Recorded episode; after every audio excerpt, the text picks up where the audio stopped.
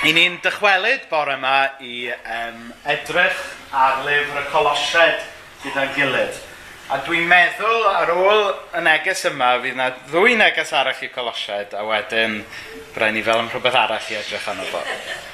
Um, pan nes i gychwyn um, edrych ar Colosied mis Medi, o'n i'n meddwl, so ni wedi gorffen erbyn dolyg, ond da ni dal yn ddi. Um, dwi'n cofio Martin yn deithau, deu gwir. O, mae'n llyffur byr iawn, fyddi wedi goffin hwnna, mae'n mis na ddau. Ond, um, ond yw, mae, mae wedi'n syni ar yr ochr orau mewn ffordd, gymaint o stwff da sydd yn y llythyr yma gan ddiw i ni. Felly gobeithio um, bod chi gymaint o fi wedi mwynhau edrych trwy'r llythyr yma dros y misoedd diwetha. Nawr, em, llythyr oedd hwn i grisnogion ifanc, pobl oedd newydd ddod i gredu yn Iesu Grist. Felly erbyn hyn, da ni yn gwybod bod o'n llawn delweddau ynglyn â'r angen i emwreiddio yn ffydd ni yn Iesu Grist. Mae'n braf a mae dal yn wyntog yn dydy. Um, a dyna pan bod o'n bwysig, mae'n wyntog iawn yn dydy, Joan. Ac, um, a dyna pan bod o'n bwysig gael i, i goedd gael gwreiddiau, ynddo? Fel bod nhw'n sefyll yn y gwynt. A mae'r un peth yn wir ynglyn â'n ffydd ni. Pa mae gwyntoedd bywyd yn taro, dyna lle ni'n profi gwerth gwreiddiau'n ffydd ni yn Iesu. Um, Mae'r ma, ma llythyr yn llawn um, delweddau ynglyn y, y ddelwedd fawr yma bod Iesu wedi creu popeth, wedi, wedi tynnu popeth ato fe ei hun. Ond hefyd trwy'r llythyr, Mae Paul yn rhoi gwahoddiad personol i'r colosied a'r gwahoddiad personol i bob un ohono ni gredu, derbyn a dilyn Iesu drosto ni yn hunain. Nawr, i ni wedi cyrraedd yn penod pedwar erbyn hyn, a dyma yr adnodau da ni am edrych arnyn nhw heddiw. E, penod pedwar, adnodau 2 i 6. Daliwch ati i weddio drwy'r adeg gan gadwch meddyliau yn effro a bod yn ddiolchgar. A gweddiwch drosto ni hefyd y bydd Dyw yn rhoi cyfle i ni rannu'r neges am y Meseia ac esbonio'r dyrgelwch amdano. Dyma pam dwi yn y carchar. Gweddiwch y byddai'n gwneud y neges yn gwbl glir fel y dylwn ni. Byddwch yn ddoeth yn y ffordd ydych chi'n ymddwyn tuag at bobl sydd ddim yn credu. Manteisiwch ar bob cyfle gewch chi i rannu gyda nhw. Byddwch yn serchog wrth siarad â nhw a pheidio bod yn ddiflas. A gwnewch eich gorau i ateb cwestiynau pawb yn y ffordd iawn. Nawr, yr hyn i ni wedi bod yn edrych arno fe dros uh, y mis diwetha yw yr her mae Paul yn rhoi ym mhenod 3 a nawr penod 4 i ni fyw yng ngoleini yn hunaniaeth newydd yng Nghyst. Y reality yma fod pawb sy'n credu yn Iesu Grist ac ymddiriad yn Iesu Grist, er yn bod ni wrth gwrs dal a pechod yn yn bywyd ni, nid pechod nawr sydd yn yn diffinio ni. Nid dyma yw yn hunaniaeth ni nawr. Ond yn hunaniaeth ni nawr yw bod ni yn blant dew, bod ni yn blant gras. Ac felly, mewn ymhenod 3 a mewn nawr i benod pedwar, mae Paul yn trafod sut i ni fod byw yng ngolau yr identity newydd yma sydd gyda ni yn Iesu Grist. Um, tro diwetha, um, sef tair wythnos yn ôl erbyn hyn, gam mod i ffwr pen wythnos diwetha, um, o'n i'n sôn am yn perthynas gyda pobl. Perthynas gŵr a gwraig yng ngoleini cariad Iesu, perthynas rhieni a phlant, perthynas gwas a meistr, yng ngoleini yn perthynas ni gyda Iesu. A reswm pan bod um, hwn yn bwysig yw hyn. So mae Dyw, nid allan o'r Beibl mae hwn yn dod, jyst rhyw air slick dwi wedi clywed yn rholedio. Mae Dyw yn yn caru ni jyst fel ydyn ni, dyna ydy'r efengel, ond mae'n caru ni ormod i'n gadael ni fel ydyn ni. A dyna pan bod Paul yn ail hanner y llythyr nawr, yn mynd mlaen i siarad ynglyn â byw bywyd chrysnogol yng ngoleini cariad diamod Iesu ata ni. A'r hyn yn benodol mae Paul yn trafod yn yr adnodau sydd gyda ni heddiw ydy gweddi, bywyd gweddi, a hefyd rhannu yn ffydd ni gyda pobl eraill. Ac wrthos yma, da ni am drafod gweddi a fewn ni mlaen tro nesaf fyddai'n pregethu i edrych ar sut mae rhannu yn ffydd ni. Felly, gweddi. Na, na, na i ddarllen y, y tri adnod yma eto. Sylwch ar y, ar y pwyslais ar weddi. Daliwch ati i weddio drwy'r adeg. Gan dad, gadwch meddyliau yn effro a bod yn ddiolchgar. A gweddiwch drosto ni heddiw. Y bydd Dyw yn rhoi cyfle i ni rannu'r neges am y Mesoea ac esbonio'r dirgelwch amdano. Dyma pam dwi'n carchar. Gweddiwch y byddai'n gwneud y neges yn gwbl glir fel y dylwn ni. Nawr chi'n gweld fan hyn, dwi wedi rhoi y geiriau mewn melun, hei, highlightio nhw. Um, y pwyslais sydd gan fan hyn, fod y, y colosiaid yma sy'n bobl Iesu Grist, fod yn bobl sydd yn gweddio, ac yn gweddio trwy'r amser. A'r rheswm pan bod hwn yn bwysig yw yr hyn sydd wrth wraidd y ffydd grisnogol ydy yn perthynas ni gyda Iesu Grist. Ac er mwyn cynnal unrhyw berthynas iach, mae rhaid fod yna gyfathrebu yn digwydd yn does. Um, allwch chi ddim wir cael perthynas bersonol efo rhywun, ond i bai bod yna gyfathrebu yn digwydd.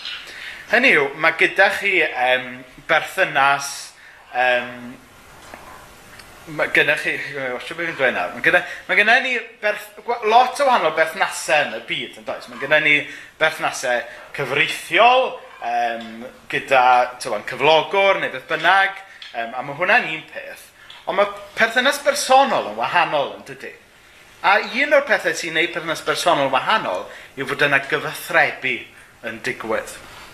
Um, falle bydd rhai ohonoch chi'n cofio hysbysebion BT nôl yn 90au gyda Bob Hoskins yn ei cyflwyno nhw. Ag, ac oedd yr hysbysebion yna rhyw stori sentimental yn doedd ynglyn â rhyw fan gi yn byw um, yn bech yn yr Alban a'r mab wedi mynd i fyw yn Llundain a nhw'n hel atgofio nhw wedyn nhw'n dal fyny ar y ffôn a'r fan gi yn hapus iawn bod wedi cael galwad gan i mab neu wyr neu beth bynnag. A wedyn Bob Hoskins yn troi'r camera, it's good to talk.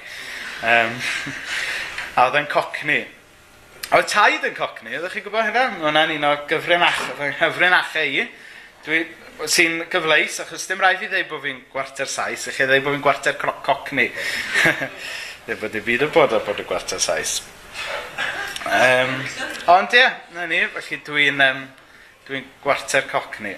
Er, fedra i ddim siarad fel cocni. Ond da ni be bynnag, sorry, tangent. Ond da ni gyd yn cofio, wel, allai fod rhai chi ef, efo geni ddweud y gwir. Ond um, os da chi o leia yn oedra ni, da chi'n cofio'r hysbysebion yma, it's good to talk. Nawr os di hynna'n wir ynglyn â'n perthynas ni efo'n gilydd, wel boes bach mae'n wir ynglyn â'n perthynas bwysicaf ni hefyd, sef yn perthynas ni gyda'n dew. It's good to talk. A dyna ydy gweddi yn y bôn, ynddo? meithrin yn perthynas efo Dew, efo Iesu, drwy siarad. A'r gair sydd gyda ni am siarad efo Dew ydy gweddio. Nawr mae yna anamlwg yn yr adnod yma bod, bod Paul yn arbennig o cyn ar weddio. Achos mae e'n sôn ac yn annog y colosiaid i weddio trwy'r amser. Nawr, dwi wedi rhannu o'r blaen mod i yn wael, a bod yn hollol onest ynglyn â cadw mewn cyswllt gyda fy rhieni dros y ffôn. Dwi wedi gwella rhywfaint as priodi achos mae mena'n deithau. Ffonia dy fam nawr. Ti'n mynd i ffonia hi ato wrthos yma, ffonia hi rwan. Um, ond o bod yn hollol onest gyda chi, a dwi wedi rhannu hyn o blaen, dwi'n tueddu ffonio mam a dad jyst pan dwi angen rhywbeth neu eisiau gwybod rhywbeth. Um, a weithiau, pan dwi'n ffonio mam, mae'n, mae, ie, yeah, beth ti'n moyn, tro, beth ti'n moyn rwan? So, beth ti'n moyn awr yn y trach? Um, ta, ta fod yn y boch mae mam yn deud hynna, ond dwi'n gwybod mae rhywbeth tu ôl hwnna, sef mod i ddim yn cadw mewn cyswllt yn rhieni fel y dylwn ni. Ac y dylwn ni wneud ymdrech i gadw mewn cysylltiad mwy. Oherwydd, er mwyn cael perthynas iach efo unrhyw un, mae rhaid cael cysylltiad parhaus yn does. Nid dim ond troi at person yna pan i chi eisiau rhywbeth, rhyw berthynas oer functional ydy perthynas fel yna, pan i chi'n troi at rhywun just pan i chi eisiau rhywbeth. Mae perthynas iach yn berthynas sy'n cael ei gynnal trwy'r amser.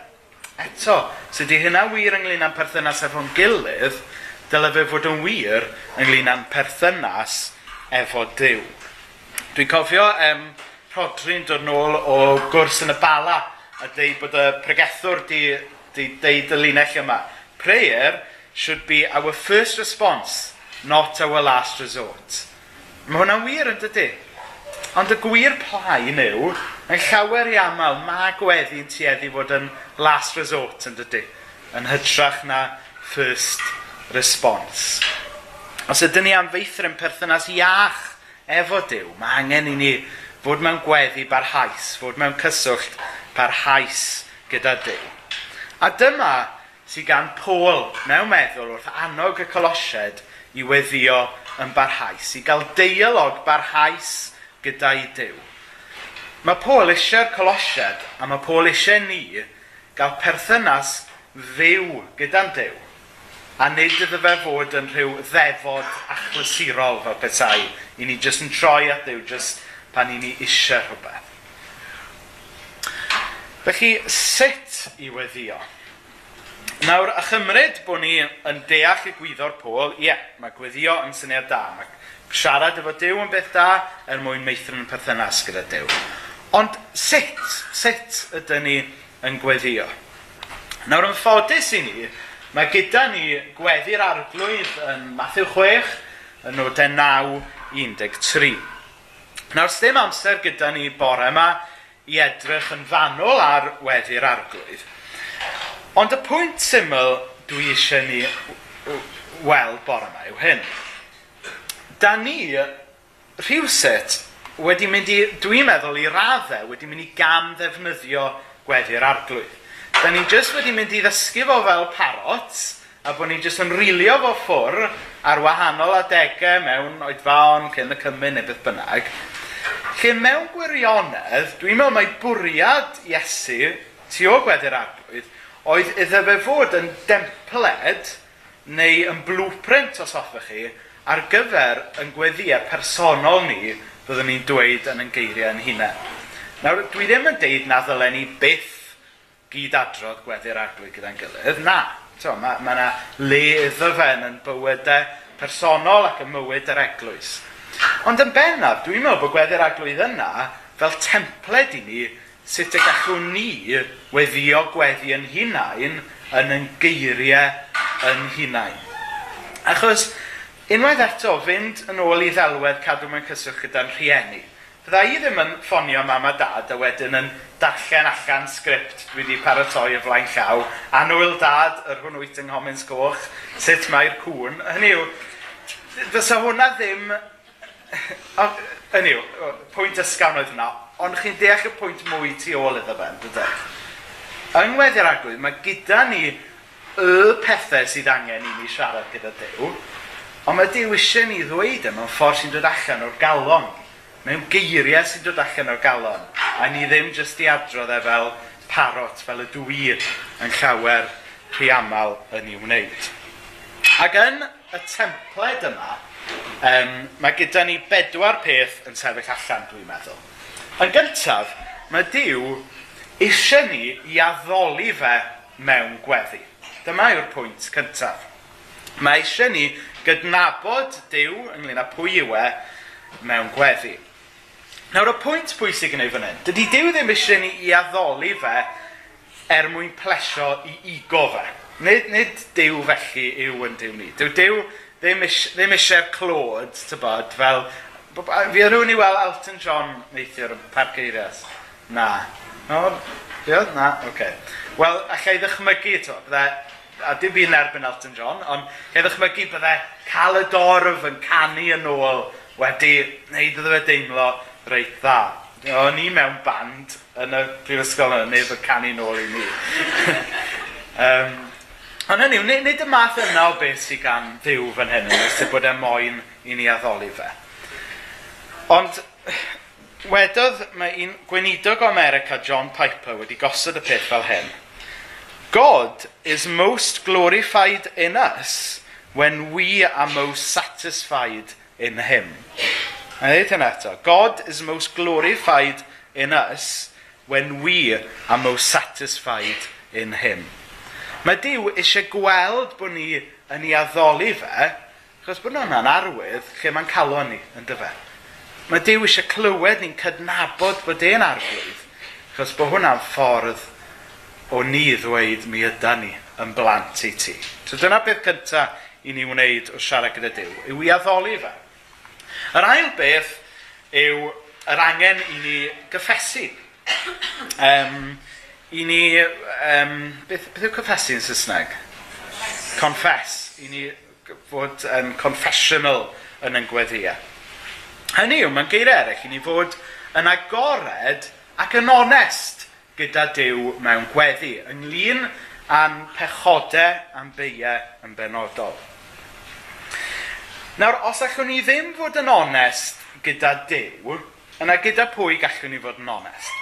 Chos mae Dyw yn gweld mewn i'n meddyliau ni, mae Dyw yn gweld mewn i'n calonau ni, mewn ffordd oes neb arall yn gallu wneud. Felly, mewn ffordd, mae e'n hirt i beidio bod yn gwbl onest gyda Dyw, yn dydy? Os allwn ni ddim fod yn agored ac onest gyda Dyw, yna gyda pwy y gallwn ni fod yn onest gyda'n pechodau, gyda'n beiau. Ond y rheswm yn bod ni falle yn dal nôl, a ddim mor agored a mor onest ac y dylen ni fod, yw'r rheswm bod ni, bod ni yn ofn bod yn onest gyda Dyw. Ond dwi eisiau dweud hyn wrthych chi.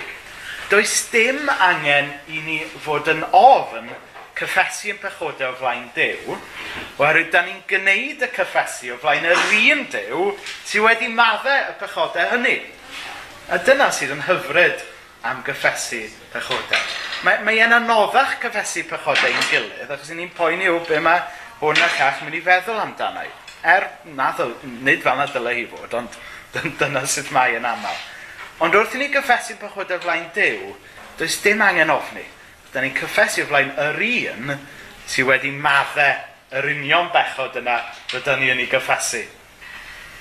So dyna'r ail beth. Mae'n bwysig bod ni yn bod yn onest ac yn siarad gyda Dyw ac yn cyffesu. Yn drydydd, mae'n bwysig bod ni yn diolch i Ddyw am ei ras am ei gariad pan da ni yn siarad efo fo. Unwaith eto, dwi'n meddwl bod angen i ni wneud hyn um, oherwydd bod ego dew angen clywed ni yn dweud diolch.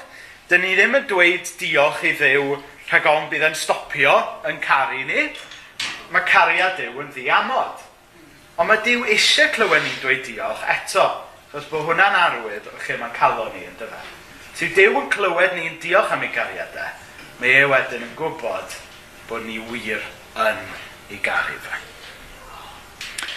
Wedyn, y, y pedwerydd peth. Mae Dyw eisiau ni ymbil, gyflwyno pethau iddo fe. Neu, fel dwi wedi rhoi fan hyn, mae eisiau clywed yn rhestr siopa ni. Um,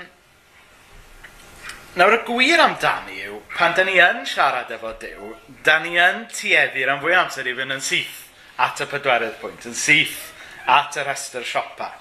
Anwyl dad, dwi angen yr hyn a'r llall, plis gwna hyn a'r llall ac yn y blaen.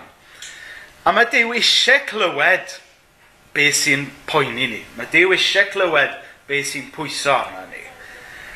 Ond fel o'n i'n sôn gynt, yn yr un ffordd dwi tueddu ffonio'n rhieni jyst pan dwi eisiau rhywbeth, dydy berthynas fel yna ddim yn arbennig o iach na di.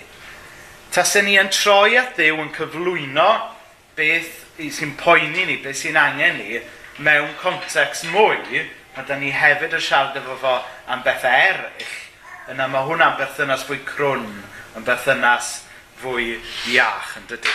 Felly, yn y bôn, beth dwi'n meddwl sgynny ni yn gweddi'r arglwydd ydy templed sy'n cyffwrdd y pedwar peth yma.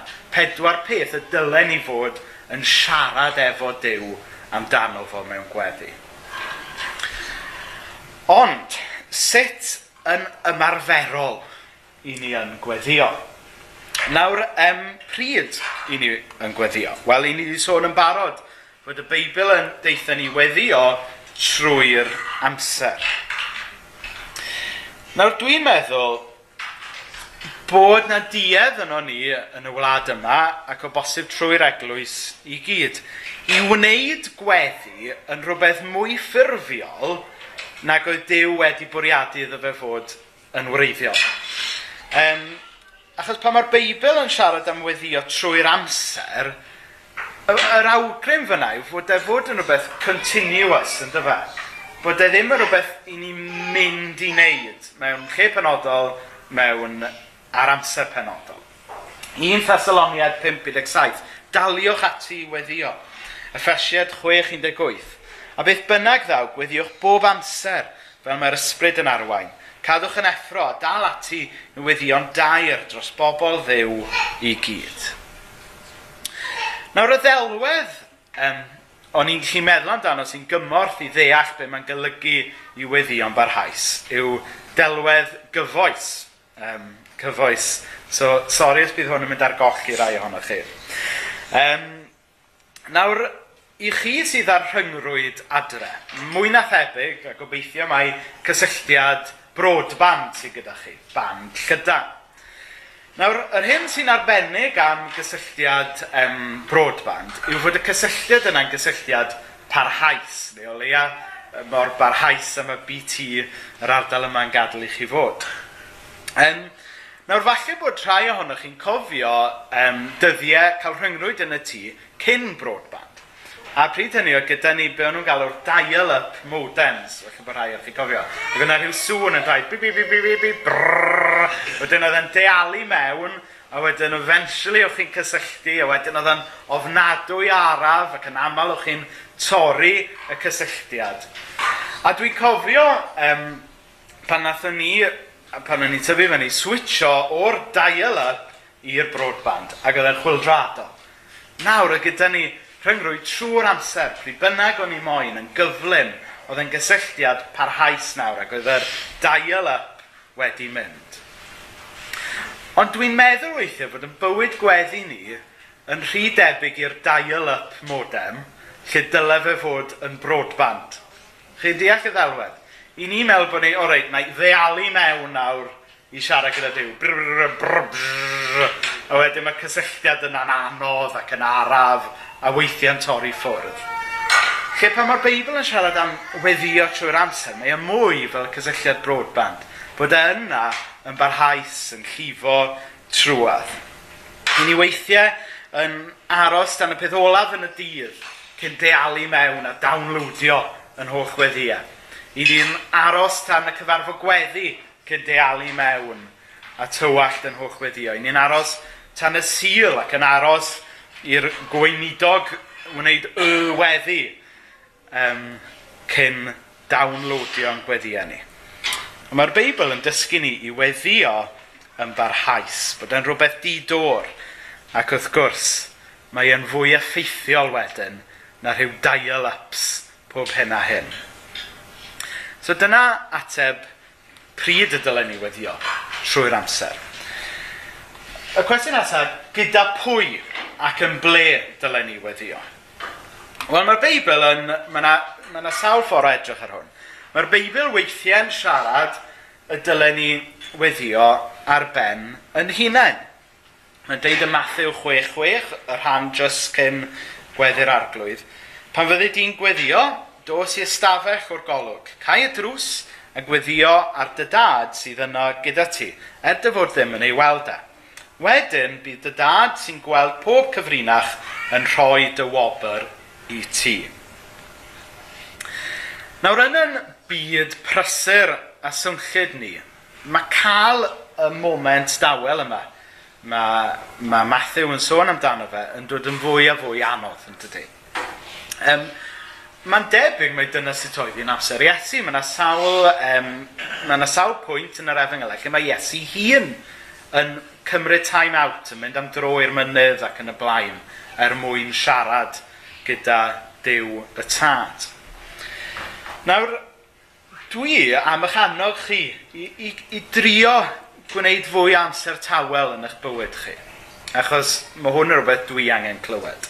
Um, weithiau, pan mae amser cynnetai, dwi yn llythrenol mynd i'r mynydd i weddio. Fyddai, be fydda i'n neud? Fyddai'n gyrru fyny, nid cerdded, ddrwg yn newid. Fyddai'n gyrru fyny rhos gadfan fyna, wedyn mae yna leibau yn does ar y ffordd drosto i wain fawr. A pob tro dwi wedi mynd yna, sneb arall wedi dod yn agos i'r lle. A, a dwi jyst yn cael chydig funudau tawel gyda diw fyna. Nawr, yn naturiol, dydy, dwi'n eisiau pawb neu hynna, achos that's my spot. um, ond gai eich annog chi i chwilio am y llefydd tawel yn eich bywyd chi, lle gallwch chi siarad gyda Dyw. Ac am, yn naturiol, dydy pawb ddim yn gallu mynd yn llythrenol i'r mynydd. Ond be am i chi roi y teledu ffwrdd weithiau? Be am i ni roi y radio ffwrdd? Be am i ni roi y ffôn symudol ffwrdd? Just er mwyn cael llonydd i siarad efo Dyw.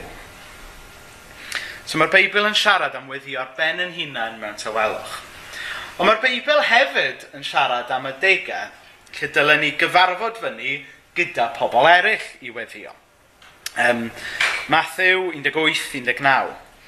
A pheth arall hefyd, pa mae dau ohonych chi ar y ddeiar yn cytuno i ofyn am arweiniad wrth ddelio ag unrhyw fater, cewch hynny gan fy nhad yn y nefoedd.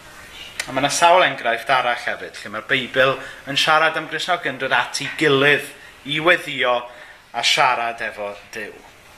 Nawr fel gweinidog, dwi'n cael y fraint y weddio gyda llawer un ohonoch chi yn eich tro. Ond gai a chanwch chi gyd i weddio gyda'ch gilydd lle mae'r cyfle yn dod.